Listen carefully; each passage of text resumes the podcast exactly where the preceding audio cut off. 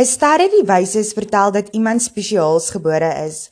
'n Koning soos wat hierdie wêreld nog nooit gesien het nie. Propasin, sy naam beteken vir almal, was net so opgewonde soos die ander oor hierdie ster wat helder in die lug gehang het. Ja, so 'n ster het hulle nog nooit gesien nie en hulle het die ster gevolg. Propasin het saam met die drie wyse manne vertrek. Hulle het geskenke saamgeneem wat hulle graag vir die kindjie wou gee. Goud, wierook en mirre. Propasin het drie baie kosbare edelgesteentes gebring vir die koning se kroon.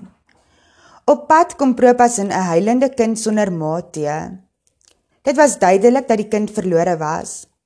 Gaan julle so lank vooruit, ek sal julle mettertyd inhaal sê Propasin toe vir die ander 3 wyses. Hy het sy kameel vasgemaak en dadelik na die kind se ma begin soek. Toe hy haar nêrens kry nie, besef hy dat die kind waarskynlik wees agtergelaat is. Hy stap toe na 'n ander vrou toe en vra haar: "Sal jy asseblief vir hierdie kind 'n ma wees?" En hy gee vir haar een van sy edelgesteentes om vir die kind te kan sorg. Na 'n paar dae het Propasin besef dat hy baie moeilik sy drie reisgenote sou inhaal.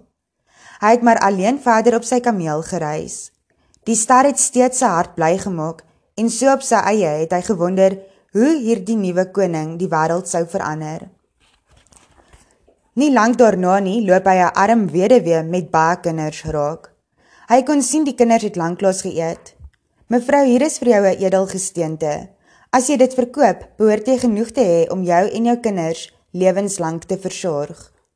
Die vrou en haar kinders het getrippel van blydskap oor die groot geskenk. Toe klim Propas in weer op sy kameel en ry verder. Hy was al baie ver weg. Toe kon hy steeds sien hoe hulle met vreugde vir hom waai. Nog verder langs die pad kom Propas in 'n klomp kruisgevangenes te. Hy koop hulle toe los deur sy laaste edelgesteente te gee vir die soldate wat hulle opgepas het. Die gevangenes kon hom nie genoeg bedank nie. Propasin het sy reis voortgesit en by homself gesê: "Ek dink my drie vriende het nou lankal die klein koning gesien. Hoe gelukkig moet hulle nie wees nie." Op 'n dag kom hy aan in 'n dorpie waar daar baie arme mense gewoon het. Daar het hy sy dierklere verkoop en die geld aan die armes gegee. Intussen het hy ook die storie gehoor van 'n man wat veroordeel is tot slawediens. Sonder hulle broodwinner sou die man se gesin verseker nie kon oorleef nie.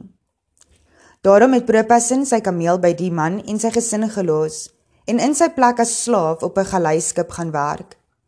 30 jaar later is Propasin toe al 'n ou man vrygelaat. Maar binne in hom het die vraag steeds rondgemaal. Ek wonder wat van daardie koning geword het. Hy is terug na die dorpie waar hy sy kameel, nou ook al baie oud, gelos het. Hy het opgeklim en verder gery.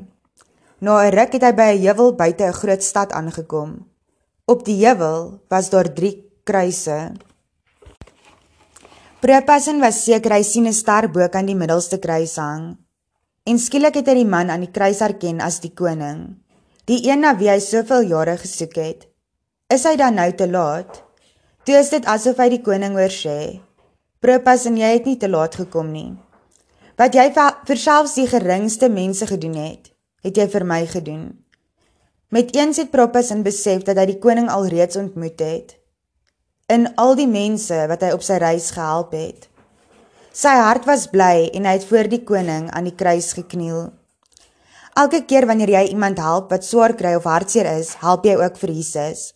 Want Jesus wil baie graag hê ons moet die mense op ons pad help.